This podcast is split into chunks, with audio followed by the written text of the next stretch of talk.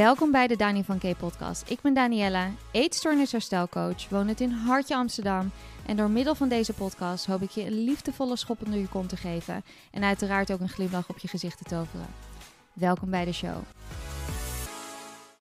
Hallo allemaal, welkom bij weer een nieuwe aflevering van de Dani van K Show. Ja, jongens, we moeten er echt een andere intro van maken. Ik weet het ook allemaal niet meer. De Dani van K Show klinkt zo narcistisch. I can't. Maar goed. Ehm, ik, ik verzin elke, elke week alweer een nieuwe intro. In ieder geval, ik hoop dat jullie een hele fijne week achter de rug hebben. Zo niet, ook oké. Het leven is een rollercoaster, zoals we allemaal weten. Ik ben net terug van mijn vakantie. Niet net, maar een weekje ongeveer. Nu dat ik dit opneem.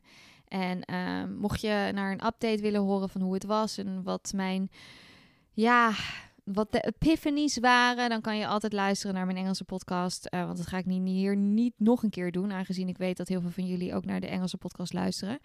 Maar um, dit was wel een partijtje nodig. Laat me dat even, laat, laten we dat voorop stellen. Ik moet veel vaker gewoon even de tijd ja, gewoon even tijd voor mezelf nemen. Er even tussenuit knijpen. Ik doe dat veel te weinig. En als ik het dan doe, dan is het vaak uit noodzaak. Omdat ik dan ziek ben. Of omdat ik niet meer kan vanwege de pijn. Nou was het helaas dit keer ook wel een beetje het geval. Maar dat gaan we niet meer doen. Dat, is, dat, dat heb ik me voorgenomen. Maar goed, wat ik al zei, ik vertel er meer. Het is meer een persoonlijke update in Recovering with Danny. Dus mocht je interesse daarin hebben, ga lekker daar naartoe.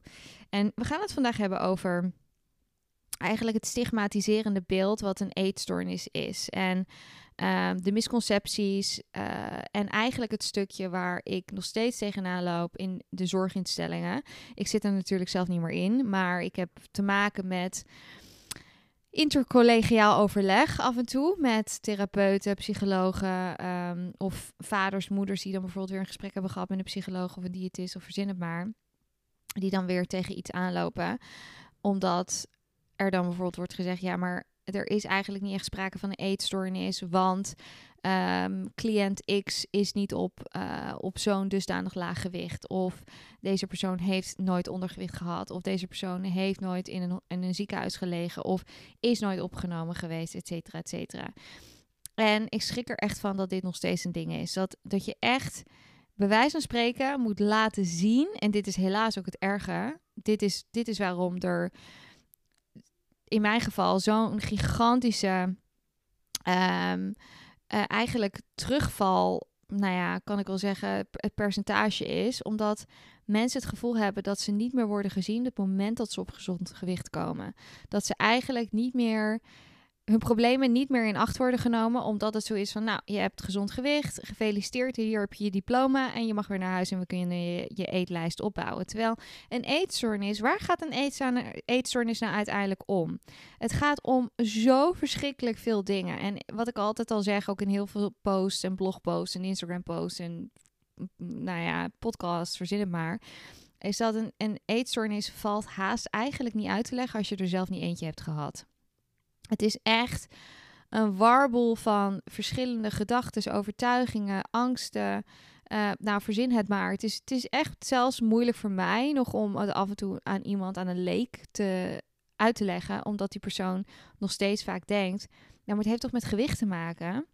Nee, het is geen gewichtsziekte. Het is geen weight disorder. Het is een eetstoornis. Uiteraard heeft het met gewicht en eten te maken op den duur.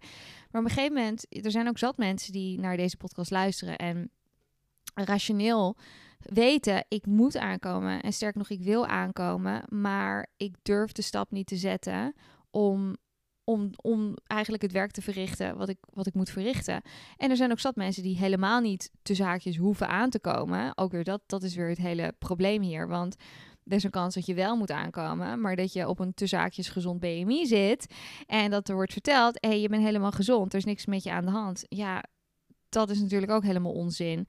Dus er zitten zoveel haken en ogen aan vast. En waar een eetstoornis echt om gaat, zijn al die kleine eigenlijk kan wel zeggen voor mij doorzichtige regeltjes waar niemand doorheen prikt. Dus dat zijn dingen als je eten opsparen, met een klein lepeltje eten, je eten uitstellen, uh, calorieën uiteraard tellen. Dat is een hele, nou ja, uh, wel vanzelfsprekende.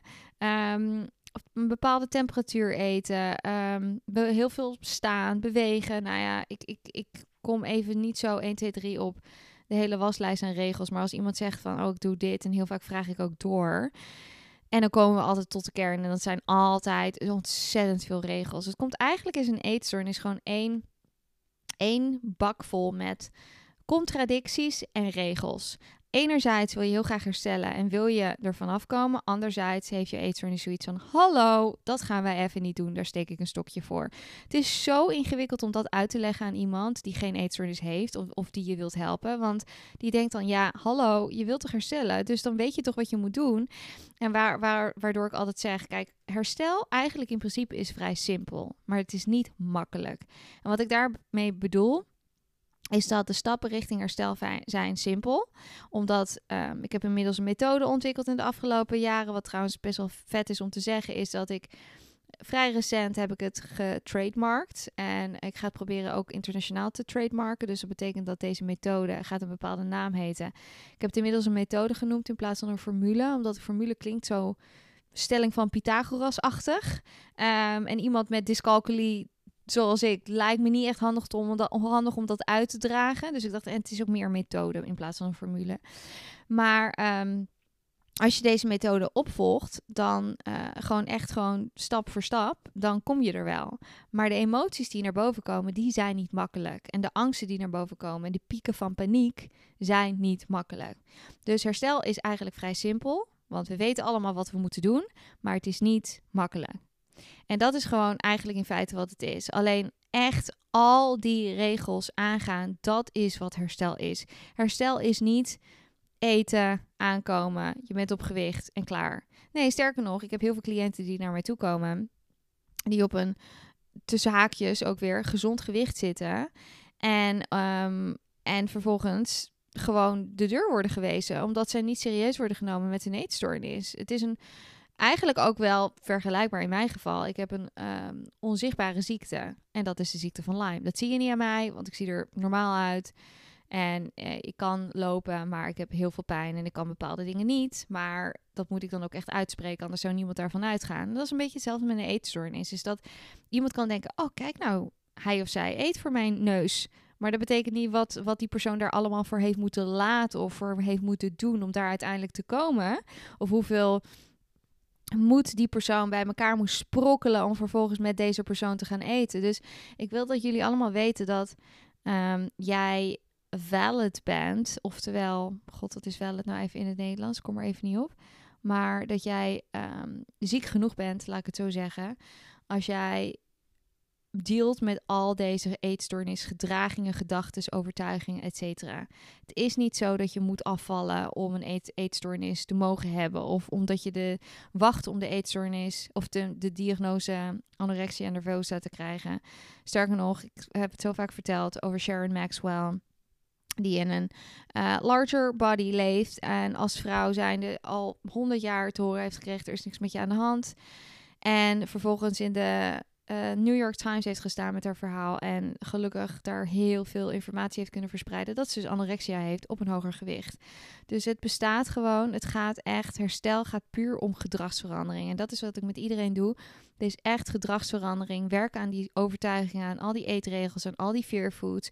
En de consequentie daarvan, uiteraard, is wel gewichtstoename. Dat weten we allemaal donders goed. Want je gaat gewoon veervoet aan. Je gaat over het algemeen meer eten. Want er zijn ook mensen op een hoger gewicht met in die in een energietekort zitten. Sterker nog, dat is het overgrote deel van de populatie die een eetstoornis heeft. Dus daar gaat het om. Dat is waar ik altijd aan werk. En dat is ook zo belangrijk om dat tegen je behandelteam te zeggen. En mochten ze dit niet begrijpen, ja, dan raad ik je toch echt aan om het misschien zelf te doen. Um, met behulp van eventueel in de toekomst een sessie bij mij of bij iemand, een andere coach. Of uh, nou ja, er zijn zoveel fijne Instagram-accounts en um, podcasts. Een van een hele goede vriendin van mij en, uh, en collega Amalia, die jullie denk ik allemaal wel kennen. Wel, het is een Engelse podcast, maar ik ben ook een paar keer geïnterviewd op haar podcast en zij op die van mij. Maar um, ja, er zijn zoveel geweldige tools om, um, om te gebruiken. Dus je bent niet zozeer afhankelijk van een bepaalde zorginstelling. Als die zorginstelling niet in lijn ligt met jouw visie. Wat ik al vaker zeg, probeer hier echt je grenzen in aan te geven. Want ik kan me voorstellen dat het juist meer slecht doet dan goed. Als je continu het gevoel hebt dat je niet erkend wordt in jouw ziekte. Want dat is het eigenlijk gewoon. Hè? Het is een mentale ziekte. En als je niet wordt gezien, dat is het meest. Ach, dat is vreselijk. Ik heb het zelf, wat ik al zei, ik heb het zelf meegemaakt. Ehm, en het is echt hartverscheurend. Dus weet bij deze dat ik je zie dat je valid bent, dat jouw ziekte goed, nou ja, genoeg is, dat je je niet hoeft te bewijzen, dat je niet extreem hoeft af te vallen om vervolgens serieus genomen te worden. Ik neem je serieus en je mag om hulp vragen, ten alle tijden. Uh, en een eetstoornis gaat dus om gedragsverandering. Ja? Oké, nou ik hou het even bij deze korte, maar krachtige aflevering. En uh, ik ben hier gewoon weer volgende week. Hele fijne dag nog. Hey there my friend, dankjewel voor het luisteren. Mocht je dit een fijne, herkenbare of leerzame aflevering vinden, vergeet dit dan niet te delen met een vriend, een vriendin, je moeder, je vader, je opa, je oma, je hond, je glazenwasser, maakt niet uit, wie dan ook. En laat vooral een rating en een review achter. Tot de volgende.